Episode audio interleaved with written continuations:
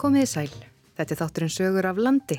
Þar sem við flökkum um landið, ræðum við fólk sem hefur sögur að segja, kynum okkur áhugaverða staði og skoðum fréttamál líðandi stundar, oft með nýjum augum. Ég heiti Gíja Holmgistóttir og er umsjónamaði þátturins og með mér í dag eru þeir Ágúst Ólafsson, fréttamaður á Norðurlandi og Rúnarsna Reynsson, fréttamaður á Austurlandi. Við höldum okkur mestmægnis á Austurlandi í þætti dagsins. Forvetnums meðal annars um fyrirtækið skóarafurðir á ytri Víðivöllum 2 í Fljótsdal og ræðum þar við Bjarka M. Jónsson. Því næst er ferðinni heitið á starfstöð skóraktarinnar á Hallomstað og hittum þar aðstóðar skóarvörðin Bergrúnu Örnu Þorstesdóttur sem segir okkur stutlega frá starfsemi skóraktarinnar en mest frá fyrirtækinu Holt og Heiðar sem framleiðir ímiskona matföru en við byrjum hins vegar á Patræksfyrði.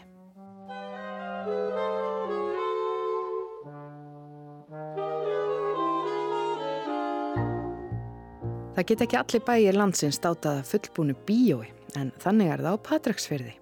Skjaldborgar bíó er nokkus konar samfélagsverkefni þar í bæ og Lionsklúpurinn á staðnum er þar helst í bakkjarlinn.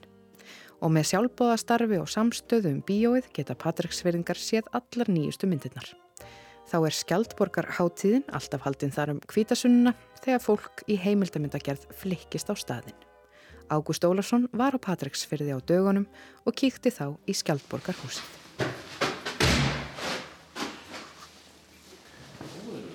Það er sko poppliktin og allt það var bara hérna. Það er sem sé Davíð Rúnar Gunnarsson, mm. Lionsklúpi Patræksfjörðar. Það er alltaf að bjóða okkur í, í bíó. Það bjóða okkur í bíó mest að ég get ekki sínt ykkur það í mynd. En hér er aldeilis, aldeilis fallið, maður finnur eiginlega bara svona sögun að koma mútið sig hérna. Já, og svo er svolítið timbur og það má ekki sko, þau eru göngum inn og brakar svolítið í sem að hendar kannski ekki alveg við ef að þau eru mjög dramatísk atrið í myndinni. Það lítur hluti af stemmingunni. Já, þetta er hluti af stemmingunni, já sem að væri mitt gaman að sína hlustendum. Hér eru rauð sæti og rauðir veggir og það sem er almennt ekki öðrum bíóum að við höfum svalir. Mm. Þannig að það eru 100 sæti niðri og cirka 60 sæti uppi. Þannig að við erum á tveimur hæðum sem er frekar óvinnilegt held ég fyrir mm. bíó hér. Þetta hústafið, þetta er náttúrulega sögufrækt og, og kannski búið að óbreytti langa tíma Eh, þekkir þú söguna? Svona eitthvað að húsið er byggt 32 mm. og þá sem samkóma hús en síðan er það 1980 sem að þetta er gert upp og útbúið sem bíósalur og síðan svona 2003 að þá tekur Læjónsklúpur Patirsfjörðar við rekstri bíósinn sem hafði verið svona frekar stópull þar sem við erum ekki með mannmörg hérna Nei. í íbúatölu. Það var alltaf upp á loftið aðeins, upp á efri hæðina sko, þeir, þú svo móttina því að þið hafið svalir. Já, þetta er svolítið sérstakt að hafa svalir í bíó. og... Já, já. Hérna horfum við yfir, yfir salin og vona sem þar væru sitjandi hérna í dag sko. En þetta verkefni bíóið, Skjaldborg og, og svona sagan þetta eru svona einhvers konar já, kannski samfélagsverkefni þessi bíórekstur í dag Já, í dag er þetta samfélagsverkefni mm. e, Vestubegð á húsið og greiðir af því hitta á rámagn e, myndirnar fáum við fara á dreifingaradilum þannig að Vestubegð fær aðgangseirin mm. og sendir þá helmingin til dreifingar aðila. Eh, Læjansklúpurinn hins vegar er með bíónemnd starfandi sem eru svona cirka 8 manns og hefur séð um að reka bíóið í sjálfbóðavinnu sem er orðin þó nokkuð mikil vinna. Mm. Ef við byrjum á því að fyrir svona cirka 5 árun síðan að þá hættu kvikmyndir að koma á filmu og þetta varð allt saman stafrænt. Eh, þá voru góður á dýr en það var hópur fólk sem að endilega vildi uppfæra bíóið og meðal annars kvikmyndaklúburinn Kitty sem að kom svona ásamt Lionsklúbi Patrísverðar að því að kaupa síningakerfi og sapna fyrir því. Uh, söfnunin var um rétt um 10 miljónir sem að þurfti og aðra breytingar í húsinu fór í einhverja svona cirka 15 miljónir sem að Lionsklúburinn stóð fyrir og síðan tekur Lionsklúburinn og rekur húsið. Þannig að nú erum við með síningar oftast bara tvísvar í viku á fyrstu dögum og sunnudögum. Uh, í þetta fara ansi margar vinnustundir. Við tókum saman í svona eðlilegu árferði að þá er þetta svona eitt starf á ári, það er að segja, það eru 40 vinnustundir í viku sem eru unnar af læjónsklúknum. Mm. Við að þessi popvél hérna niður, hún er aðeins að pípa á okkur. Það er spurningin um að við kveikjum á henni. Heyrðu, förum að, förum að fá okkur pop. Þetta er allt eins og við værum bara hérna að horfa á stórmynd.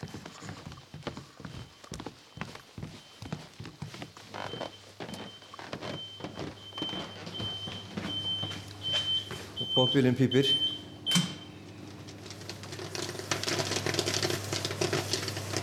Eðal pop.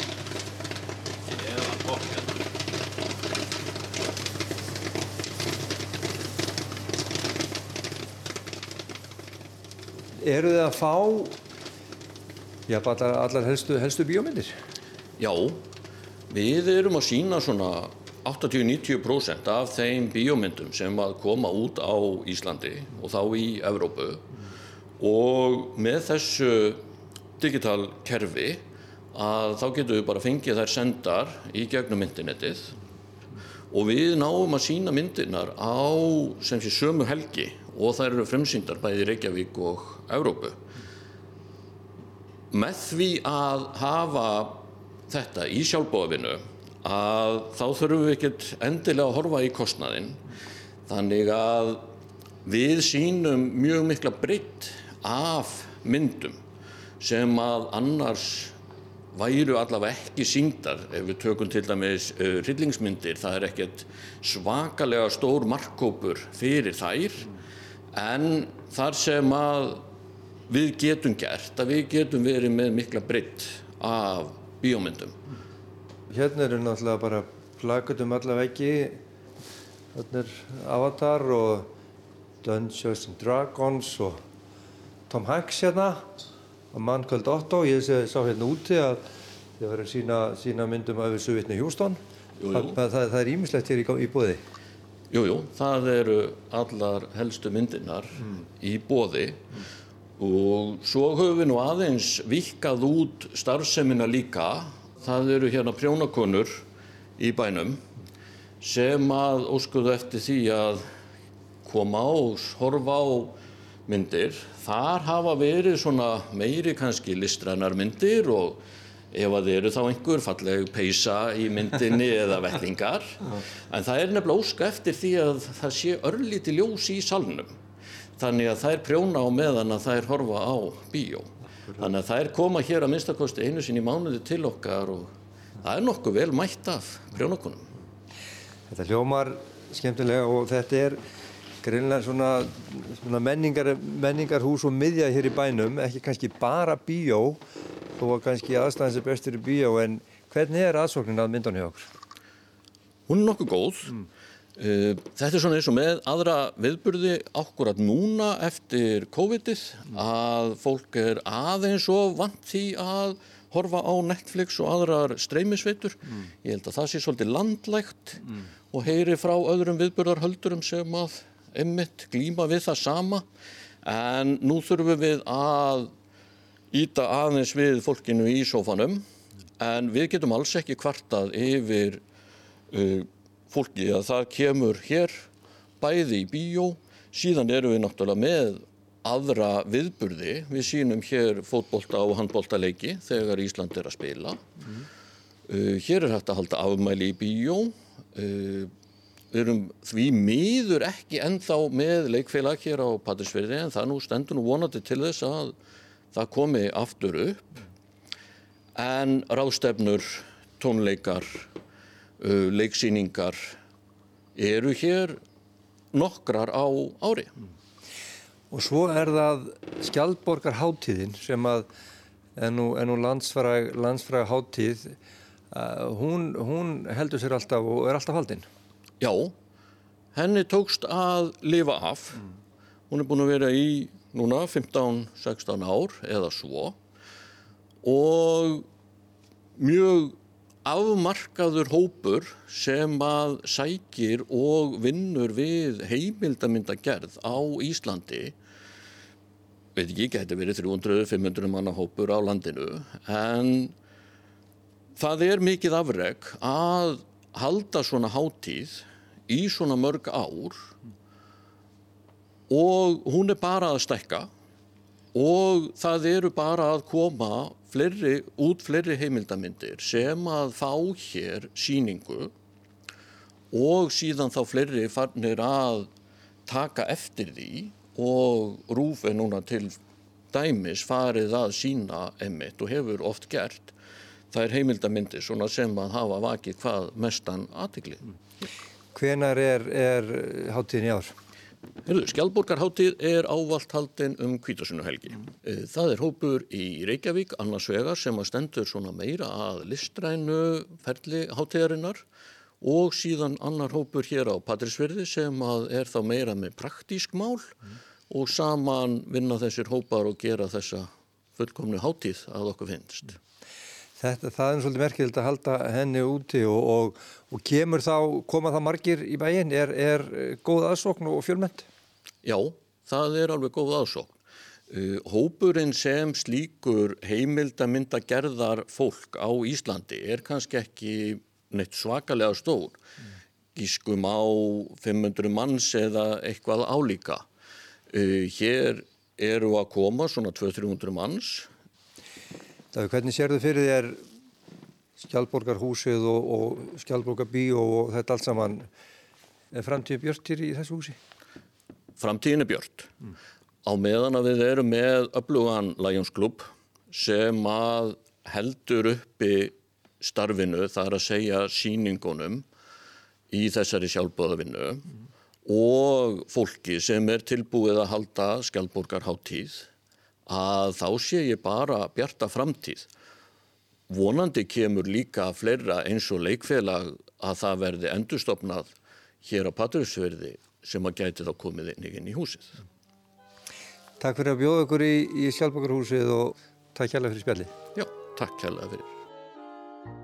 Ágúst Ólarsson rætti við Davíð Rúnar Gunnarsson. En frá Skjaldborgar bíói á Patríksfyrði er ferðinni heitið Östur á land. Rúnarsnær Reynisson hitti Bjarka M. Jónsson, annan eiganda fyrirtækisins Skóar afurða. Góðan daginn. Góðan dag, velkomin. Takk fyrir það. Ja, þeir eru komin heimsóknin á ytri Víðvelli 2 fljóstal. Við erum að framleiða timpur úr íslensku skói.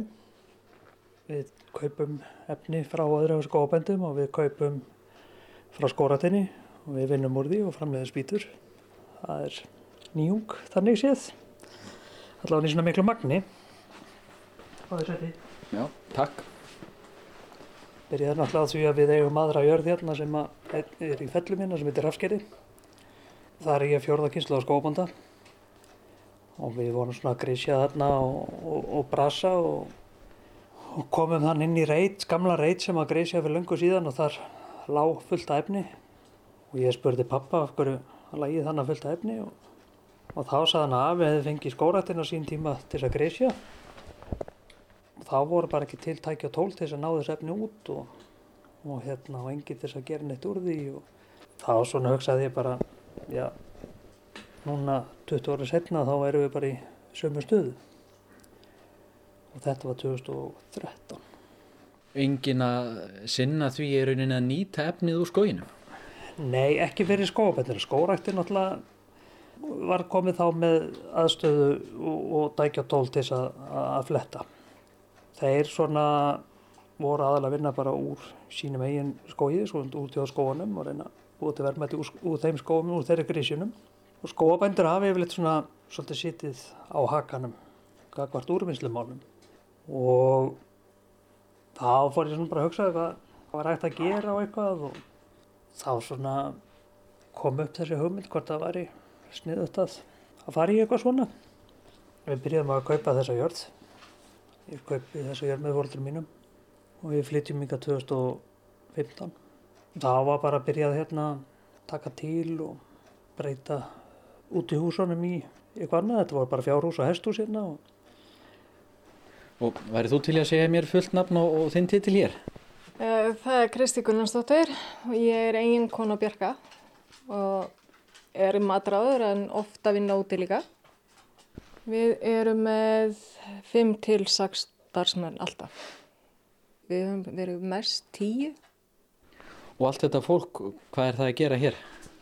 Saga timpur, kljúa timpur, pakka timpri, fara upp í skóa grísja og ýmislegt bara sem þarf að gera.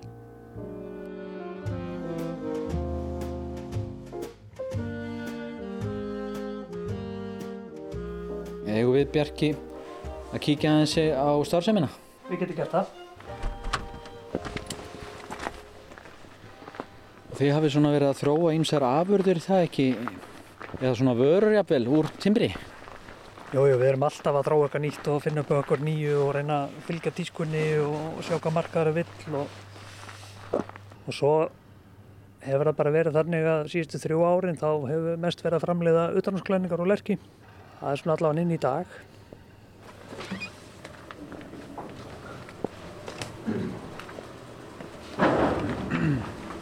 Og hérna sjáum við heilmikið verkværi. Já, já, hér er fullt hús af verkværum. Það er játast að það er ekki pláss fyrir mikið meira hér á gólfinu. Hérna erum við með flettisægir, þrjár, stórar, miklar sægir, bólsægir og, og, og hérna blokkasægir. Og svo er nýjasta viðbótin hérna rammasög, fjölblaða bandsög. Hún gerir raun og veru það sem báðar hinn að gera en það er önnur áferð. Þannig að það er- mikill ásýndar á áferðamunur á hjólsöguðu eða, eða bandsöguðu. Þannig að spýta er ekki bara spýta. Nei, langt frá því. Það er bara svo leiðis. Þannig að svo erum við líka með, með hérna, fjórliðar hefla tvo sem að það skila þá fínheflaðar áferði eða parkettið eða panel eða góllistum eða lottlistum. Svona öllu jafna þá höfum við verið að framleiða panel og, og, og parkett yfir vetratíman og svo höfum við verið að framleiða pallaefni og klæðningar yfir sömatíman en núna hefur þetta svolítið breyst að við erum eiginlega bara að framleiða klæðningar allt árið og svo, svo dúkka upp svona nokkuð verkefnu úr panel og, og, og, og parketti. En timbur þetta er náttúrulega lifandi efni viður þó að sé búið að fella tréð og er ekki svolítið kunst að meðhöndla timbrið þannig að þetta verði notæfir plankar og ekki undnir og snúnir og allavega. Mesta kunstin er að þurka á þess að skemmi þetta eða þetta fara að snúa sér eða, vinda sig og, og líka passa upp á að það fari ekki að stað líka eftir þurkun sko, þetta er náttúrulega ferskviður sko, er, þannig að þá er þetta viðkvæmara svolítið. Það er mörg að huga og við erum, við erum með fjóra þurrklefa sem, að, sem að við þurkum í og þrýr eru, eru fyrir til þess að þurka borð og svo náttúrulega bara með sér hvort við séum með utanústurka eða innanústurka en það, það fyrir allt inn í þurrklega sem fyrir frá okkur sko, hvert eitt og einast stykki. Við byrjum á því að fá bólið til okkar, það er byrjað að grísja og svo gefum bólur til okkar.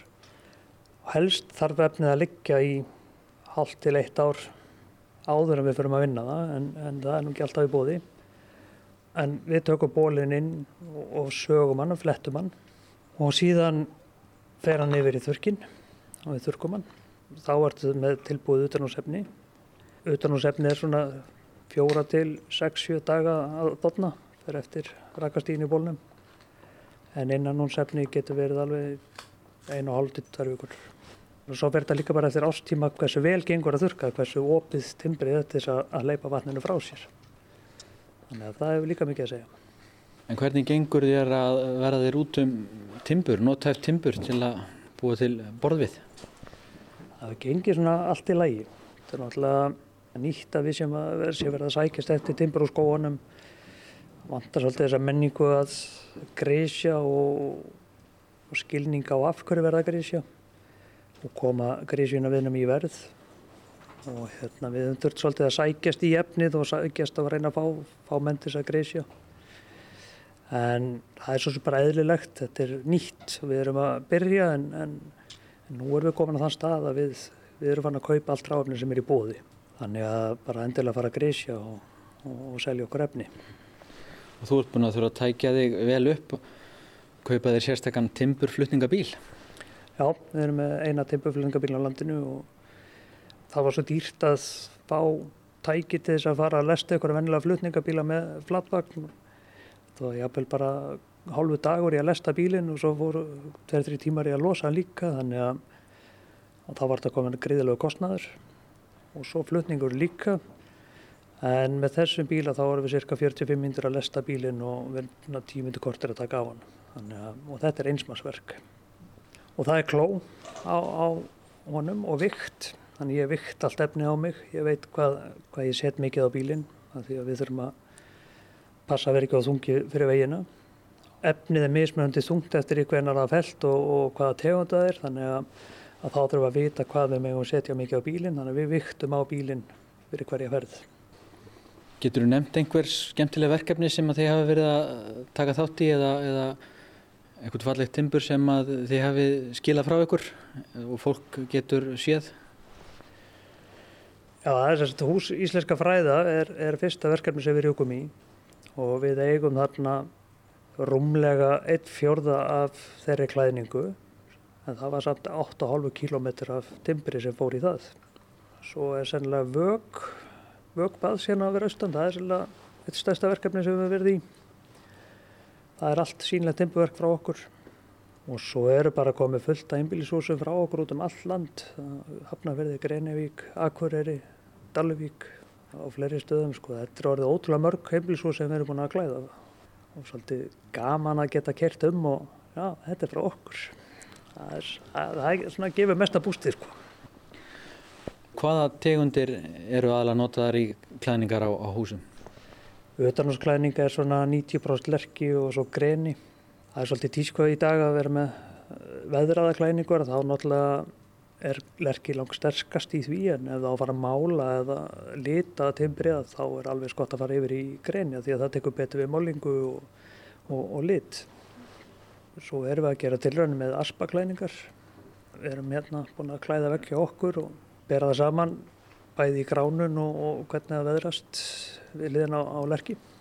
Það týðkast í Nóri að nota ösp sem utanúrsklæningar. Þannig að við erum ekki, við erum ekki endilega að finna upp hjólið en, en svona við erum að prófa okkur áfram í þessu. En öðru leiti er öspin yfirleitt notuð í innan ús panela og, og sána.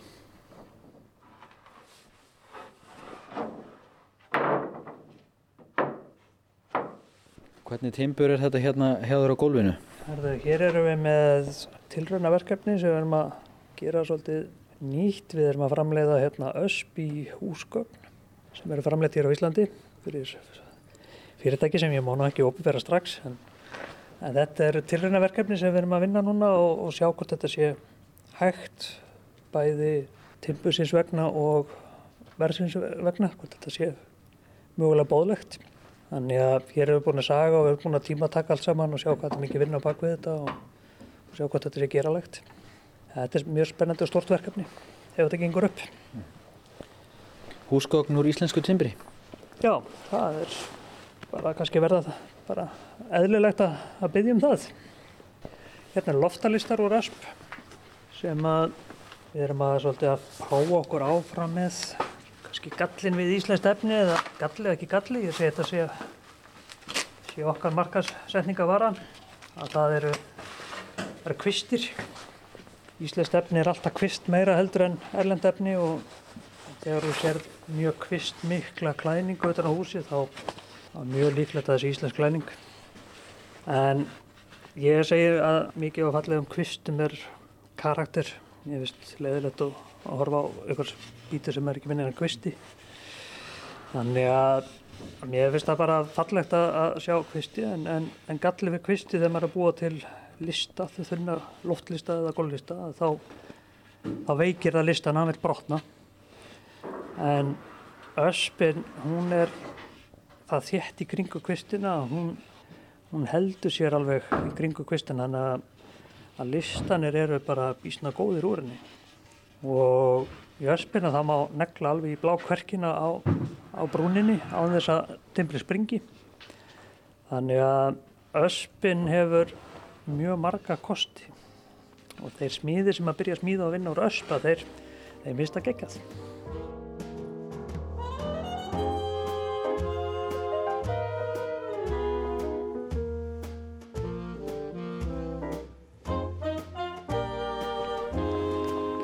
Hér liggur trjábörkur yfir allt, bara eins og teppi. Já, þetta, þetta er svolítið sóðalegur rekstur. Það dettur mikið að bergi og núna erum við að vinna efni sem var felt í sumar og sumafelt efni það, það bara heldur ekki bergi. Það bara losnar af og svo þegar þetta dettur hérna á borði hjá okkur og við erum að koma sér inn í húsi þá sapnast mikið börkur hérna undir borði þannig að Er eitthvað þetta að nota börkin? Er þetta brennan? Já, já, það má nota börk í blómabeð og blómapotta og, og hérna eins og lerkibörkurinn sko, það væri hægt að nota hann til þess að þurrku upp ólíuslýs á vatni því að það er mikið korkur í honum svo hann flýtur svo vel. Þannig að það er ímislegt að það nýta börkin í.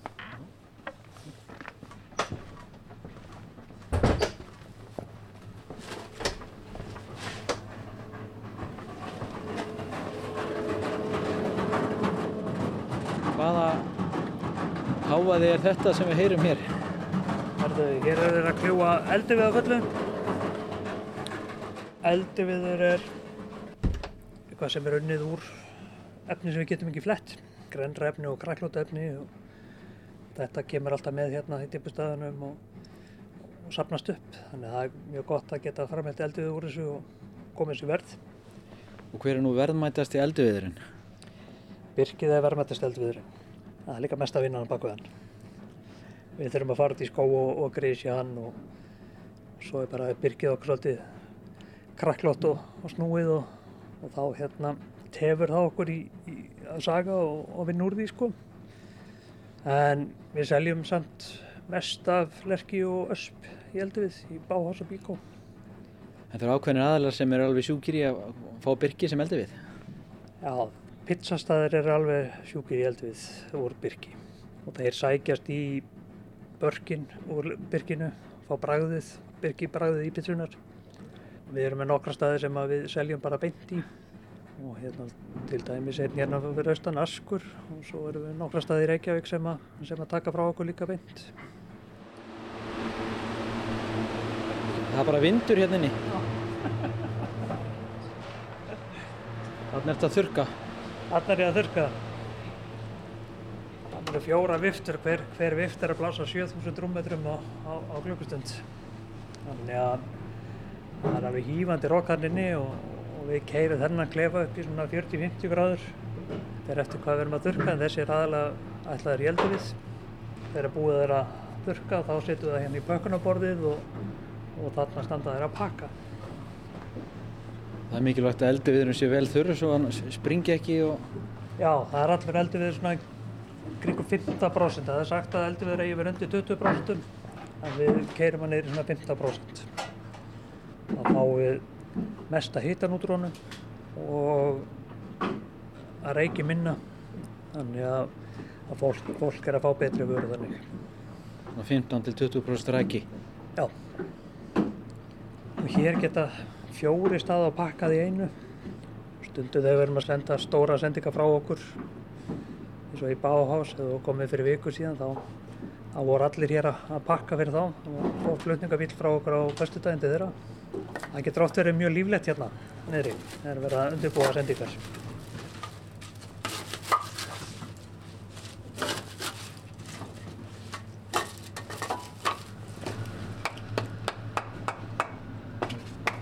Akkur er þetta að tromma á þess að kaupa?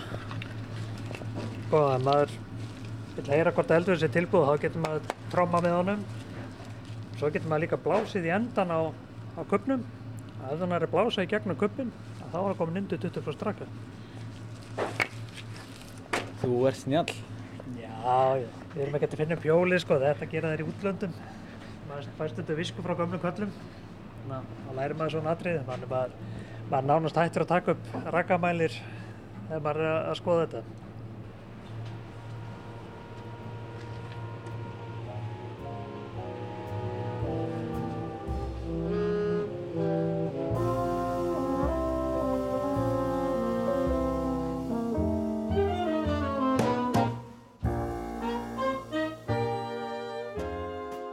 Hvernig sér þau fyrir þér að ykkar fyrirtæki þróist áfram?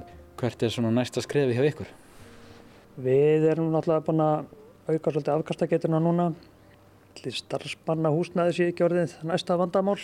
Við erum að fara að byggja hérna starfsmanna íbúðir. Við erum að bæta við okkur fjórum íbúðum eitthvað sliðis. En ég held að markaðurinn kalli svolítið bara á eftir svona hvað er í tísku en, en, en klæðningar munum klárlega vera aðalvaran okkar. Hvort sem það er innan hús eða, eða utan hús. Svo langar okkur að fara að bæta í að geta heflað og, og hafkvæmari hátt og fá meiri hraða í því. Við erum alltaf að keppast við að vera sambarlegir í verðum við influttefni. Það er svolítið erfitt þegar að vera að vinna þetta meira, þá er komið meiri tími og meiri kostnaður á móti sem þarf að brúa. Þannig að, þannig að við þurfum að auka svolítið afkvösti þar til þess að nániði verðum, fá alltaf til að bera sig. En við erum alltaf að, með augun opið fyrir eitthvað nýju og skemmtilegu sko. Og svo er náttúrulega bara mikið af sérvinnslum. Við fáum óbúslega mikið af alls konar sérvinnslum eitthvað verkefni sem að engin annar vil taka að sér og það koma fullt af tölvupóstum alltaf með eitthvað svona skemmtileg projekt sem er að fara í gang, eitthvað hönnuð sem er að gá hvort þetta sé fræðilega hægt skilur þannig að ég er rosalega gaman að því hönnuðir skulle vera að vakna við að það sé hægt að fá íslensk efni og, og, og líka vakna við það að það er ekkert mál fyrir okkur að búa til frá grunni þar sem þeir eru að byggjum.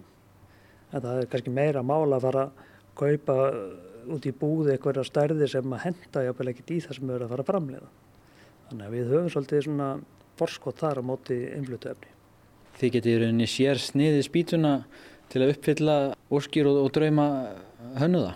Já, það er bara svolítið og við náttúrulega sérframleiðum allt sem við gerum þannig að ef að kunninu með eitthvað sér óskýr og vill breyta einhverju til þess að hendi sér betur þá er það bara ekkert mál fyrir okkur. Það er ekkert meiri vinna fyrir okkur heldur en hitt sko. Og fólk geta að fá eitthvað sérstakt, það er bara þeir sem eru með þetta, þetta er, þetta er bara þeirra. Þannig að fólk kann að meta það.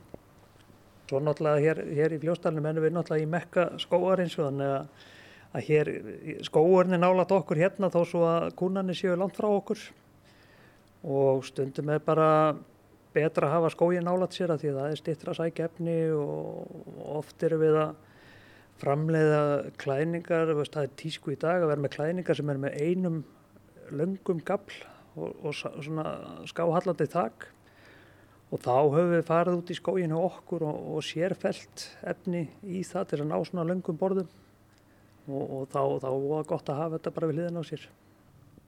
Það var gaman að kíkja hérna til ykkar í skóarafurðir Fljótsdal. Bjarki Jónsson, takk hella fyrir spjallið. Já, takk sem leiðis.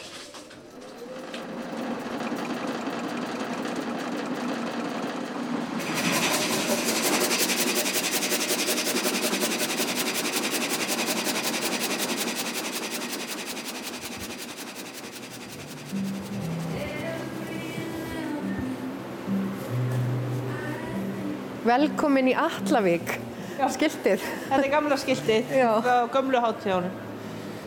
Það tímum, tímum ekki, þetta er svona bara að hefða þetta byrja. Þetta þarf þetta bara að fara á SAP. Já. Við erum komin á starfstöð skóraktarinnar á Hallámstað. Þar tók á mót okkur aðstóðar skóarverðurinn á staðunum, hún Bergrún Arna Þorsteinsdóttir, sem á sér eiginlega tvo starfsvettvanga. Við erum búin að ganga núna hérna í gegnum uh, svona vélagemsliðir einni frá skrifstofunum. Já. Svo er, segðu mér aðeins, hvað er hérna? Hvað er hérna? Já. Hér eru verið að hérna, saga eldi vitt og hérna og síðan er, erum við með flettisöðir og þeir eru með þetta að raða dyðu timbri sem við erum búin að fletta og svo hér þessi kvítigámur það er hérna þurkari þar sem við þurkum allan við eldi við og borð við sem við framleiðum af því að það þarf að þurka allan við áður en það er eitthvað gert við hann hann er saga, er allir blöytur og síðan er hann þurkaður eftir á Það er nóg að gera að verða að fletta hérna fullt af timbris og hvert er þetta svo selt? Hvert fer þetta? E, það er í rauninni, er, þetta fyrir alltaf á innlenda markað og hérna eins og það sem borði og plankar sem við erum að framlega eru í rauninni að fara um all land. Eldiviðurinn hann fer e, mikið í pizzuhús, við framlegum þetta þó nokkuð mikið að byrkja eldivið sem að hérna er svona já, fer í arinnin og mikið í pizzuhús og svo erum við með barfið líka. Og þannig eru þeir eru núna að, að hérna saga barfið. Og uh, í rauninni 99% af þessu fer til ekki af eldivinnum. En aftur á um móti borfiðurinn er að fara um alland Hvað vinna margir hérna? Við erum svona 7-8 yfir vetratíman svo bætast yfir sumar í svona fjóri-fimm við þegar við reykum auðvitað mjög stort hérna útvistasvæði bæði göngulegðir og svo þetta tjálstæðið uh -huh. svo að hérna, við þurfum að bæta fólki við til að sinna þeim Já. Skulum halda áfram Já.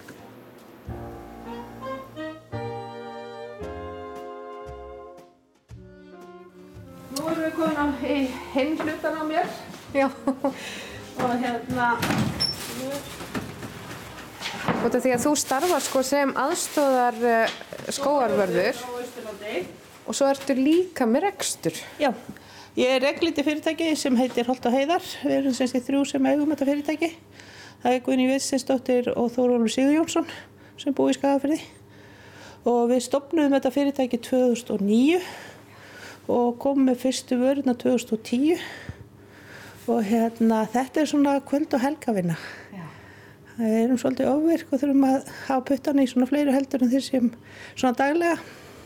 Þá er nú gott að hafa þetta bara hérna alveg við vinnuna sína hérna, þá getur þú bara að fara svona á milli.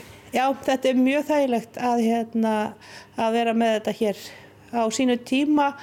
Uh, þegar við stopnum fyrirtækið þá hérna vorum við svona, uh, þá vorum við að setja upp matarsmiði í mjölkustöðuna í Ístöðum og var mikil, þó nokkuð verið að pæli í því að fara og vera þar en það sem var svona eh, þátturinn sem að við fórum í rauninni ekki þangað var að það var að þurfa að fara að keira 26 km mm.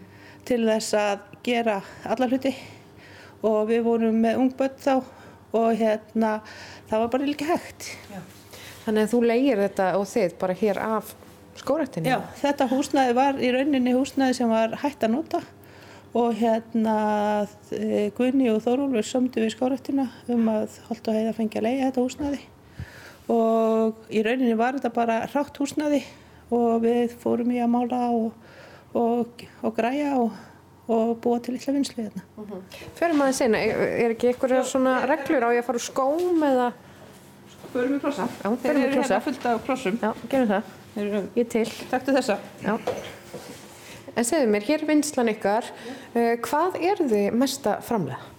Sko við erum að framleiða síróp og sultur og sveppi og hérna, já, og þetta er svona, þetta er svona misjátt millir ára hvað er að fara kannski hæðstu tölunar en e, rababarasöldan og byrkisírópi er svona oftast í hæðstu tölunum, hæðstu sölutölunum. Hvenar er svona háana tíminn í þessari vinslu? Hvenar er svona vertíðin ykkar? Vertíðin okkar er í rauninni, við, í rauninni allt hráöfni tínum við inn og fristum. Og hérna nema sveppina að þeir eru teknir beint og þurkaðir áður en þeir, eh, sem þeir fara aldrei inn á frost. En háana tíminn er oft í svona, við erum að sjóða fyrir sömarið í april. Já, já. Og áallum þá bara hvað við seljum cirka og síðan eru þetta þessi söfnunatími Birki Safin söfnum við í byrju mæ e, síðan er það hérna, Birki Lauf í byrju júni svo Rababarinn einhver tíman svo setni hlutinu í júni svo e, byrja sveppatímin og hérna maður veit aldrei hvernig hann er. Nei.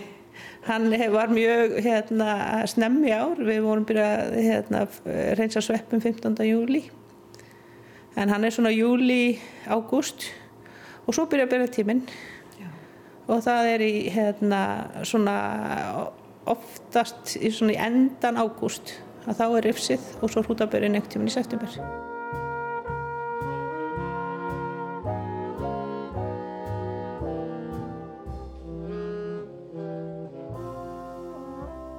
Hvernig nærmaður í Byrkisá? E, eh, þá þarf það að bóra lítið gata á treð Já. Að því að byrkið er, er daldi, byrkið er eitt af þremur trjátegundur sem er blæðandi á vissum tíma og þegar að byrkið fyrir að, að hérna, bruma og spreng, sprengja brunminn þá er það ræturna sem halda þristingnum í stofninum. Svo að við borum lítið gat á tréð, setjum slöngu upp á onni fötu og þá drippar onni fötuna. En leið og lögblöðin eru komin aðeins lengi, eða byrja að springa út, þá hættir þá hættir í rauninni rætunar að þrista upp vökvanum mm. og þá taka laufin við að draga upp vökvan í treð. Svo þess að maður þarf að finna út akkurat hvernig maður þarf að byrja og maður þarf að fylgjast með skóginum mjög vel svona í endan april, byrjum mæ, veist hvenar er akkurat þessi tími því þessi tími er ekki, þú, er ekki, þú ert ekki í rauninni að fá góðan safanum í svona tvær-þrjár vökur. En ef við horfum yfir Ísland þá er mismunandi söfnunastími. Fyrir sunnan eru er oftast sko tveim, einni, tveimu vikum undan hér á Hallonstað. Aðeins um þig, þú ert eh, aðstóðar uh, skóarvörður hérna. Segðu mér aðeins svona frá þínum bakgrunni. Sko, ég er uppalinn í Mörgudalufjöllum og hérna bjóð þar og var alltaf að reyna að rekta eitthvað í Mörgudal og síðan fer ég í hústjónarskólan á Hallómstað hérna 1987 og svo ætlaði ég að fara að ég var búin að vinna heima í Mörgudal öll sömur fram að þeim tíma. Og að fara, þetta var sem sé fyrst ári sem ég ætlaði að vinna utan heimilisins. Mm. og móðu mér sagði líktu það nær og hvað, sagði, hvað segir þú sagði ég? Já líktu það nær. Er ekki einhver vinna á Hallonstað? Jú, skórættin og þar með sótt ég um vinnu hjá skórættinni og hérna strax það sumar fór ég sem sé á samning hjá skórættinni til þess að komast inn í Garíkskólan og það var í rauninni já, maður bara einhvern veginn hugsaði ekki þó ég var alltaf eitthvað að rækta, gera eitthvað að uh, þá, var þetta, þá var þessi leið bara svona bein. Og þegar ég kláraði nám í hérna Gargiskólanum að þá kom ég beintingað að vinna og var vekkstjóri í gróðrastöðinni því að það var stór gróðrastöð hér og það var þetta rekta mikið á skóaplöndum og síðan var ég rektunastjóri hér í nokkur ár og eftir að sem ég var hægt að rekta skóaplöndur hér á Hallónstað að þá í rauninni fór ég yfir í viðin mm. að fara hinn endan á og er búin að vera aðstofa skóavörður núna um aldrei mörg ár. Já. og það er líka mjög eh, hérna, skemmtileg upplifun að eh, ég var mikið að planta 87-88 og það er verið að greisja þennar skó í dag. Og hérna að sjá sko það sem maður plantaði fyrir þetta mörgum árum að sé orðin reysa há 3 í dag maður svona, verður svona stoltur af því, sjá skóin og fylgjast með því sem mað, maður hefur gert.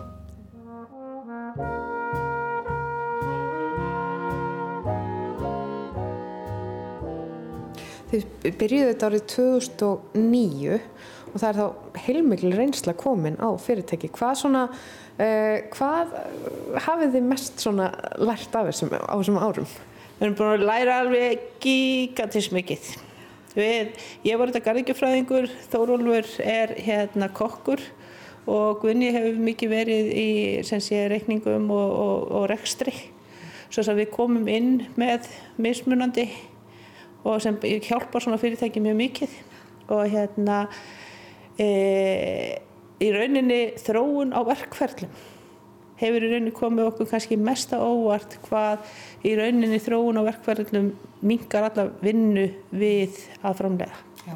Þróun á verkferðlum, þetta hljóma mjög svona staðlað orðalag og þá ertu í rauninni bara að segja að þróa hvernig þið vinnið e, vöruna frá A til Ö og þannig að skrefin séu sem fæst. kannski fæst. Já, fæst og, og, hérna, og þegar sko, hver verkferðin er orðin mjög fastur að þá veistu nákvæmlega í hvaða tímapunkti þú þart að vera við söðu því eins og til dæmis söð á byrkisírópi hún tekur 48 klukkstundir og hérna þú þarft að vera þetta tímasetja þig því að þú þarfst að fylgjast með pottinum það er ekki bara nóg að setja í hann og fara og koma svo ekkert eftir fyrir 48 klukkstundir það er ímest þetta sem þarf að gera. Mm -hmm. og þegar þú ert búin að tímasetja í rauninni alla pottin að þá fer enþá minni tími í. Þá ert ekki að fara óþarfa ferðir að því að þú heldur að það þurfa að kikja á hann.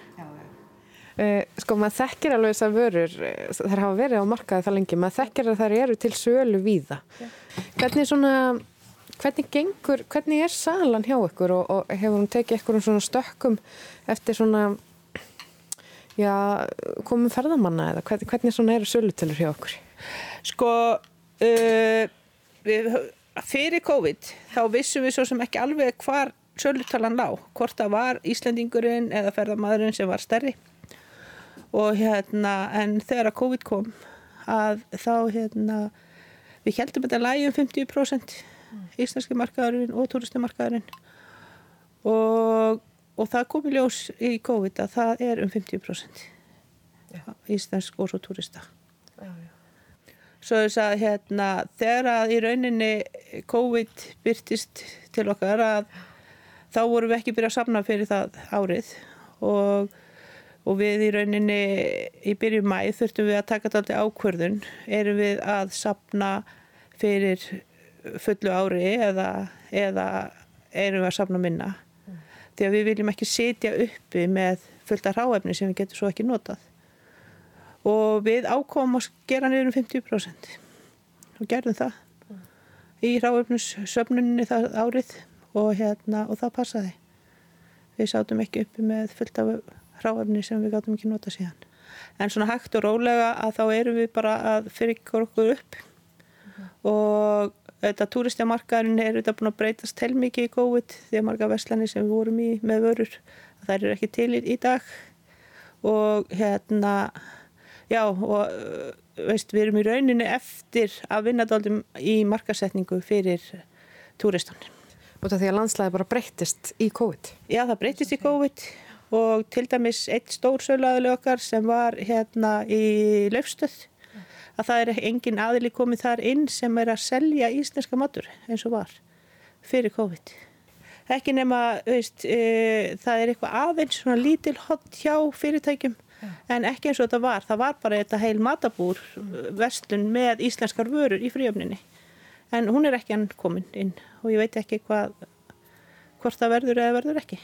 Svolítið synd eða þetta niður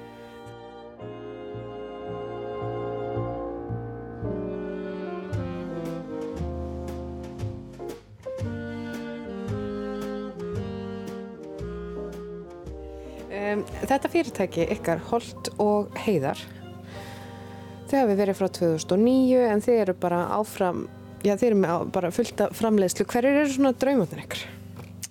Sko áframtur, eða sem sé, í rauninni þegar við stopnum fyrirtækið þá hérna ákvæðum að brúa þetta í þrjú ár já, já. og í rauninni svo helt höfum við bara haldið áfram og við tökum svona stöðu alltaf, veist, eigum að halda áfram eða hvað við erum að gera og við höfum alltaf, já, sem sé við ætlum að halda áfram og við viljum ekki hafa þetta stort við viljum hafa þetta lítið þetta á að vera handverk og Eh, við, ég og Guðni, við sjóðum alla bóta sjálfar. Það fer engin inn í suðunar hjá okkur. Við erum frekar þá að fá aðkomandi mannskap til þess að þrýfa og sjá um aðra hluti. En framtíðar með að við höfum orku, með að við hérna höfum gaman af þessu og hérna fyrirtæki gengur að þá höldum við áfram um ókomin ár. Við vitum ekki hvað lengi það gangi ykkur vel og takk fyrir að taka á mótið mér hérna já, á Hallamstæðaskói. Já, takk sem leðis. Bergrún Arna Þorsteinsdóttir saði frá fyrirtækinu Holt og Heiðar og gaf okkur líka smá insinn inn í starfsemi skóiræktarinnar á Hallamstað. Í þættinum var einni rætt við Daví Rúnar Gunnarsson á Patricksferði og Bjarka M. Jónsson og Kristínu Gunnarsdóttur hjá fyrirtækinu Skóar Afurðum í Fljótstall. En þá er komið að lokum í sögum af landi. Við verðum hér aftur á sama tíma í næstu viku, en þanga til, takk fyrir að hlusta og veriði sæl.